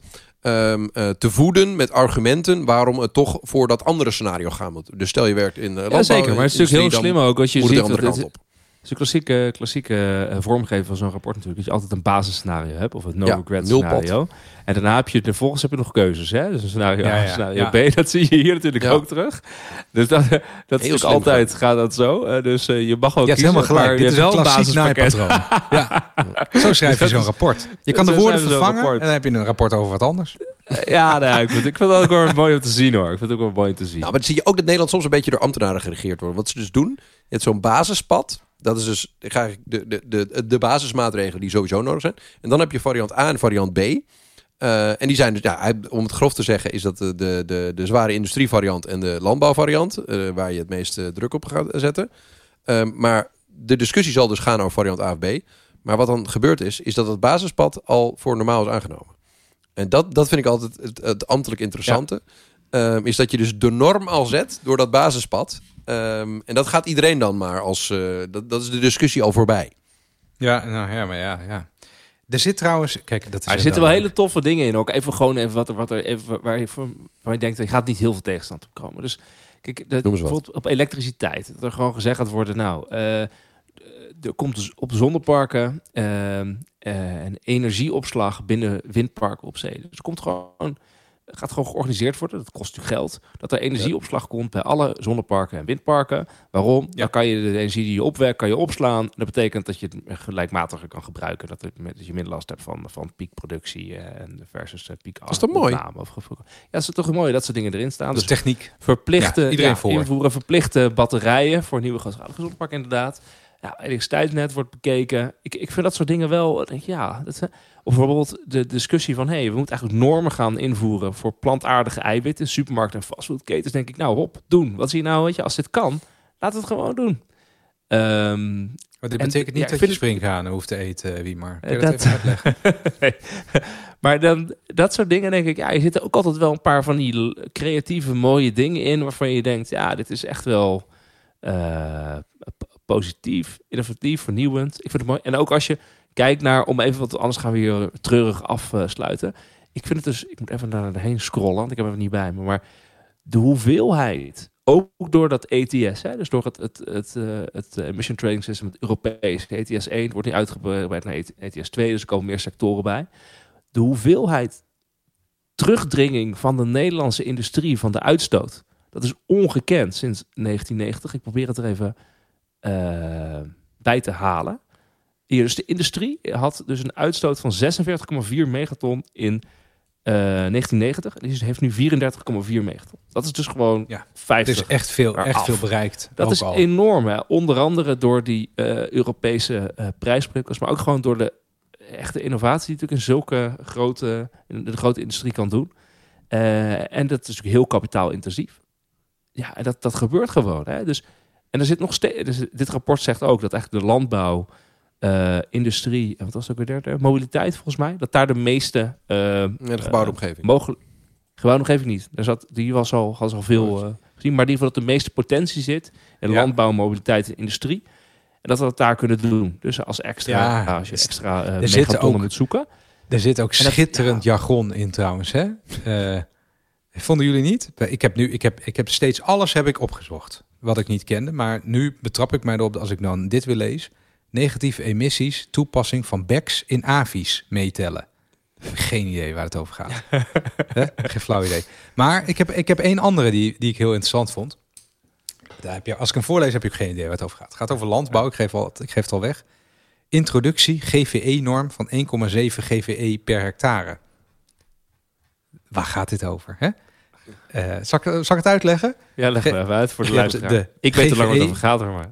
GVE staat voor de groot V-norm, volgens mij. En een koe is dan 1 GVE. En een varken is 0,8 GVE. En een kip 0,1 of zoiets. Het klopt ongeveer wat ik zeg, maar ik heb dat, ik heb dat, eh, dat heb ik niet voor mijn neus. Eh, maar dit is, een, dit, is een, dit is een interessant punt. Hè, dus zij zeggen in dit rapport, ja, je moet die norm van hoeveel GVE je dan per hectare mag hebben. Dus hè, eh, één koe of zo, of twee koeien, drie koeien per hectare. Die norm moet je naar beneden brengen. Maar ja. hier kan je... Ja. Ja. snap je het? Dan heb je dus Mhm. uiteindelijk in een land met een bepaalde grootte... heb je dan natuurlijk minder koeien. En die koeien Ja. die scheten de hele dag methaan uit. Dat is super slecht voor het klimaat. Dat is, Ja. een, is, een, is een ding. Eh, maar er zijn dus ook heel veel eh, groene denkers... zoals eh, George Monbiot, zo'n bekende Britse denker... die zegt, nee, dat is helemaal fout.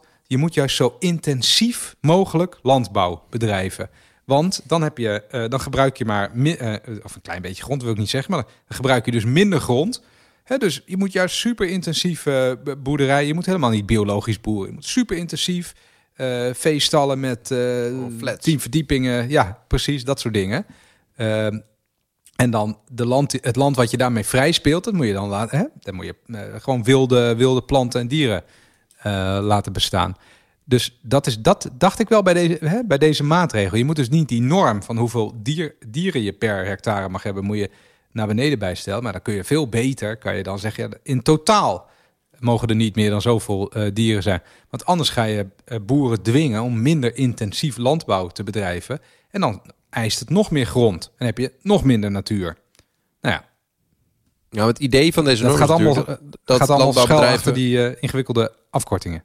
als je die GVE-norm omhoog doet, dat, en, en dat boeren meer land moeten hebben of minder vee moeten hebben. Dus het is eigenlijk een maatregel die boeren wil dwingen om minder koeien te houden. Punt. Nou, dat, dat is de bedoeling. Ja, precies. Of land kopen. ja, hoor. ja, of heel het veel land kopen dat er De niet is. landbouw wordt, gaat dus nog meer eh, grond innemen dan. En dan hou je minder grond over voor natuur. Nee, ze gaan gewoon minder eh, vee houden. Dat is, dat is het enige beoogde effect van deze maatregel. ik vond Nee, ook dat wel snap ik dat dat het in beoogde deze... effect is. Maar je snapt wel toch wel wat ik bedoel. Eh, Ja, je zegt eigenlijk dat is een stom idee. Nou ja, dat Nou het, kan, het, kan het, het kan het onbedoelde effect hebben dat eh, boeren meer land gaan kopen. Dat, dat is wat Renny zegt, toch? ja. Ja. dat Ja. is onbedoeld. Ja, dat is niet bedoeld. Het Eh, dat- onbedoeld dat, is dus effect. een van de grootste maatregelen in het hele pakket. Hè? Ja, dat is waar. Eh, dit. En wat ik ook een interessante vind, is dat ze eigenlijk voorstellen van je kan dus dat, dat eh, Europese ETS-systeem, waar dus nu al extra sectoren bij komen, daar kunnen we ook nog meer sectoren onder laten vallen. Dus inderdaad overige industrie, overige mobiliteit, en land- en tuinbouw. Daar we als Nederland gewoon opt-innen, dus mee gaan doen. Mhm. Eh, en dan dus daar, dat betekent dat we dus eigenlijk ook de CO2-uitstoot gaan beprijzen. Ehm, en dat is een, dan krijg je dus een prijsprikkel. Eh, en dat betekent dat het geeft dan burgers en bedrijven duidelijkheid over het langetermijn reductiepad, omdat het EU-ETS een dalende Europees uitstootplafond biedt richting klimaatneutraliteit. Dat zou je dan moeten doen. En je kan zelfs nog als Nederland bepalen om, je de, eh, om het emissieplafond nationaal eigenlijk nog wat lager te zetten. Eh, waardoor je dus de prijs van, eh, van emissies nog hoger wordt. Want er is minder, er is mis- minder rechten beschikbaar. Dat, Dat kan je als land doen. hè? Dat Individueel. kan je als land doen. Dus een land kan je eigenlijk je, je eigen markt voor, voor uitstoot maken. Eh, en je kan ook de hoeveelheid eh, uitstootrechten kan je ook gewoon natuurlijk beperken, zo lager Ja, zetten. ja. Waardoor het je meer moet betalen voor de, voor de uitstoot. Dat soort dingen zitten natuurlijk allemaal. eh, Ja, oké, Maar dat, dat lijkt me in. dan wel iets wat slecht voor je concurrentiepositie is. Als jij dat dan als enige gaat doen. ja, dat is, het, dat is hier natuurlijk een discussie. Dat is hier natuurlijk een vraag. Dat is waar. Ja, want Eh, idealiter ik vind het wel een je interessant, eh, interessant voorstel. Ja, wat oh, oh, over concurrentie gesproken trouwens. Dat, eh, dat, eh, eh, was dus eh, vandaag het nieuws, hè, die, die, eh, die klimaatwetten van Timmermans. Een heel interessant punt daarbij is, wat, wat er zo hartstikke belangrijk is, dat er wordt altijd gezegd, ja, maar als wij te streng zijn, dan worden we weggeconcurreerd door, weet ik veel, Rusland en India, die, die, die er allemaal scheid aan hebben, of China. Maar er komt dus een heffing, volgens mij, oh, nou, misschien noemde je dat net al trouwens al, Wouter, voor vervuilende producten, of producten van buiten de EU, die op een vervuilende manier zijn geproduceerd. Er komt een heffing op, zodat wij onze schone industrie beschermen tegen Ja, oneerlijke concurrentie. briljante Ja, maatregel. Geniaal, ja. Dat ze dat niet eerder hebben gedaan, zou je kunnen zeggen. Ja, Ik weet nog steeds niet wat een, wat een AVI in een bek eh, is. Dat is een leesniveau voor kinderen, Avi. Ik heb geen idee eh, wat het is. Eh, volgens mij moeten we zo... eh, ik, volgens mij hebben we dit... Ik, ik ben wel door dit IBO heen. Wat jij, Randy? Ja, ik heb, ik heb het gevoel dat jij nu een stichtelijke eindbeschouwing ja, nou, gaat ik, eh, eh, geven. ja, nee, ik, heb- ik heb er wel wat aan overgehouden. Ik, wat ik zie is dat de discussie over ehm, klimaatbeleid en klimaatregelen... ehm, om hoe gaan we zorgen dat we in 2030 eh 55% minder CO2-uitstoot hebben... en in 2050 een, een klimaatneutraal energiesysteem... dat dat een veel volwassenere discussie aan het worden is. En dat we eh, heel erg eh, onze briljante technocraten aan het inzetten zijn om eh, alle opties om daar naartoe te bewegen op een rij te zetten. Ehm, En dat bij de vol- het volgende regeerakkoord dat er gaat komen, want dit is dit zo'n IBO, dat weten veel luisteraars waarschijnlijk niet. Dat is eigenlijk, dit zijn de allereerste, ehm, als het ware, speldenprikjes om voor hoe een volgend regeerakkoord er wel eens uit zou kunnen komen te zien. Dus als je echt al, drie jaar van tevoren wil weten hoe een regeerakkoord eruit ziet, moet je alle IBO's naast elkaar lezen en leggen en, eh, en alle fiches gaan bekijken. En dan even de, de, de bril opzetten van een bepaalde politieke partij die, eh, die, die, die samen wel eens een kabinet zouden kunnen volgen. En dan moet je zo even die fiches eruit plukken. Bam, heb je een regeerakkoord. Ehm, en dat is hier eigenlijk aan het gebeuren. Op Easy. Nee, ja, zo, Ja. Echt waar, je kunt een regeerakkoord zo vier jaar van tevoren... eh, kun je gewoon alle eh, IBO's eh, en met alle fiches op een rij leggen. Zeker. En dan doe je de bril op van eh, de coalitie die je voor je ziet. Je wel, paars, blauw, eh, geel, weet ik veel hoe die coalitie maar is. zo, en dan pluk je het zo uit de tabel Dan- dan met pluk je het zo een, centrale eh, scenario. Is vast een luisterende eh, student die denkt, daar ga ik eens een scriptie over schrijven. Lijkt me echt fantastisch. De, het voorspellende karakter van fiches voor volgende regeerakkoorden. Maar wat ik wil zeggen is dus dat de, dit, dit IBO en, het, en ook die, dat onderzoek, prachtige onderzoek naar de, de, de fossiele subsidies, ehm, laten zien dat die nu, discussie ja. Steeds volwassener aan het worden is. En dat we dus veel betere inzicht hebben in alle maatregelen die we zouden kunnen nemen. En het biedt ook hoop. Ehm, want ik ben ook wel eens van de school dat het gewoon allemaal naar de galamiezen gaat. Ehm, en nou, ik word er best enthousiast van als wij als een hele set maatregelen neer kunnen zetten. Ehm, en dat wij de vindingrijkheid hebben om in ieder geval op papier de boel eh, te gaan redden. Dat is, ik vind het hartstikke mooi. We gaan het gewoon redden. We gaan het gewoon redden. Wat jij, eh, wat jij Wiemer? Ik ben het met je eens eigenlijk. Want jouw Eh, afdronk, dat is een ik vind het wel vreselijk eh, het idee dat je, zegt, dat je zegt van ja het is vreselijk woord. Het idee dat we met elkaar zeggen er zijn bepaalde heldere doelen waar we heen willen. Ehm, en we gaan eh, normen stellen voor productie eigenlijk en voor consumptie. En dat is binnen een aantal jaar worden die gesteld. Dus ga maar met je hele productieketen of ga er maar alvast op naartoe werken met elkaar en wees maar innovatief. Dat vind ik eigenlijk wel be- belangrijk dat we dat eh, gaan doen en dat we dat kunnen doen, dat je dat ook ziet. En ik vind het ook wel, eh, ja, ik vind het, er is een verandering volgens mij in, eh, in het Nederlandse ook beleidslandschap. Je ziet het nu steeds meer met transities, hè? dat gewoon, ja, als je met je economie en je samenleving zo wil veranderen, dan moet je een bepaald transitiepad afspreken, in ieder geval een doel. En dat, dat, ik, ik ben er wel positief over, als ik het zo zie.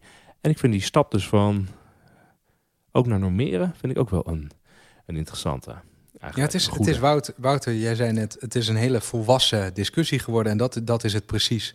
Hè, dus eh, soms als je de columnisten leest, dan kan je nog de indruk krijgen dat het gewoon een, een soort simplistisch eh, of een soort achterlijk voor-tegen is.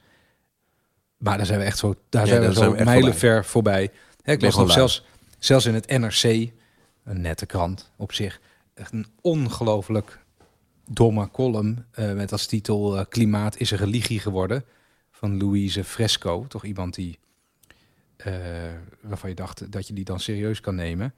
En dit is een soort één grote rant. Hè? Dat, dat mensen die dan voor klimaat zijn, dat die dan te, ja, daar, daar bijna religieus of zo in zitten. Sorry, maar dat is totale onzin. Hè? Deze discussie is zo volwassen. Ja. Er zijn zoveel gewoon goede plannen liggen er. Eh, reële inzichten over hoe je dat dan kan bereiken. Het heeft echt met religie allemaal helemaal geen, geen bal te maken. Minder ik trouwens, mag ik nog, ik, ik, ik, ik eh, steun dat eh, in- eh, voor een groot deel. Mag ik nog even, want we gaan richting het einde nu toch? We hebben stichtelijk woord gesproken. Ja, zeker. Ja, gewoon- ik heb al samengevat, eh, wie maar. Oh ja, mag ik nog één, één, één, één leuk grapje nog. Leuk Laatste grapje. Dat mijn ministerie van Financiën, hart van vroeger, gaat er even lachen. Aan het eind zie je zo'n overzichtlijst met verdere, verdere aandachtspunten en randvoorwaarden. ja, sorry, mijn, mijn, eh, mijn hart maakt een sprongetje. Ik ga zelf lachen, een beetje grinniken. Er zijn allemaal mooie dingen in, eh, zoals draagvlakken, gedrag, rechtvaardigheid, betaalbaarheid, het oplossen van knelpunten, eh, zekerheid borgen. Dingen die iedereen wil. Negatieve emissies, hoe gaat dat verdeeld worden? Ehm, circulair, verminder de wereldwijde broeikas, gas, voetafdruk van Nederland. Allemaal goede dingen. En dan vervolgens fiscaal. Onderzoek grondslag, erosie en fiscale fossiele uitzonderingsposities.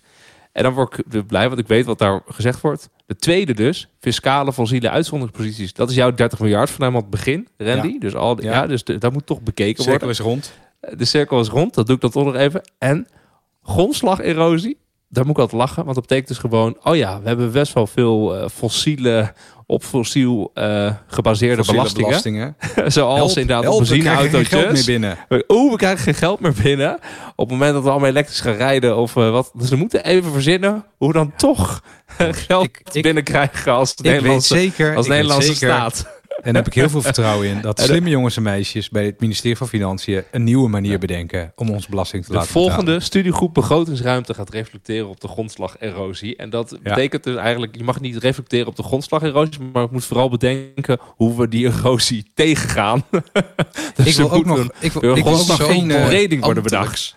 ik wil Dit- ook nog één ander ding. eh, Hoog, Noor- hoog niveau ambtenaars. Ik, ik, sorry, ik wil, ik wil één ander ding ook nog normeren. Het zinnetje tussen droom en daad. Er staan wetten in de weg en praktische bezwaren van Elschot. Dat is vanaf nu verboden in rapporten. Dat wil ik nooit meer lezen. Dat is toch zo, zo uitgekoud. Dat lees ik echt voor de, als, dat lees ik echt voor de honderdste keer nu, geloof ik. net als centjes, mogen niet meer gezegd worden. hey, we gaan Centjes. afsluiten. Eh, Ja. Voor de afsluiting. Ik vond het leuk gesprek. Ik weet niet of we heel veel verdieping hebben gebracht, maar misschien wat, oh, oh, wat, wat hoge overduiding, denk ik wel. hey, eh, misschien moet ik even eh, heraankondigen dat we op 25 mei een live uitzending gaan doen. Van de honderdste eh, aflevering van Studio Tegengif. Dat we dat doen op de Turfmarkt 99 in Den Haag. Dat is namelijk het Wijnhavengebouw van de Universiteit Leiden. Op de campus Den Haag. Ja, het is dus niet in Vlakbij Leiden, het station. Den Haag. Het is Drie vlakbij het minuutjes lopen. station op de begane grond. Dan heb je dus een cafeetje waar we gaan opnemen. Half acht inlopen. Acht uur gaan we beginnen. Wees allemaal welkom, ook als je alleen komt. Eh, misschien is dat eigenlijk wel gezelliger, want dan kunnen we ook met je praten. Zijn Kunnen we even kletsen. Te praten. Ehm, ja, we kijken ernaar uit. We trakteren op een bitterballetje. Trakteren wij ook op het eh, drankje, wie maar. Jij bent eigenlijk onze penningmeester, hè? Heb Nou, je ik daar heb, al over nagedacht? Ik heb er nog niet over nagedacht. Maar ik, ik heb wel... eh, het, ik- het is wel gelukt met het zaaltje te regelen. Ik weet niet wat de kosten zullen zijn van, eh, van drank. Maar ja, ik denk wel dat we iets gaan regelen toch voor de mensen die daar gaan komen. Ja, Wij joh, doen wij, sowieso. wij betalen, wij betalen. Ja, dat komt gewoon goed. Leuk. Nu gaan er echt veel mensen komen. Ik geloof dit, dit wordt dus een soort project. spannend. Ja, dat is hartstikke leuk. Dank Nou, voor het jongens, hey, eh lieve luisteraars, we zien jullie dan. Bedankt voor het luisteren. En eh, tot de volgende keer. Tot ziens. you.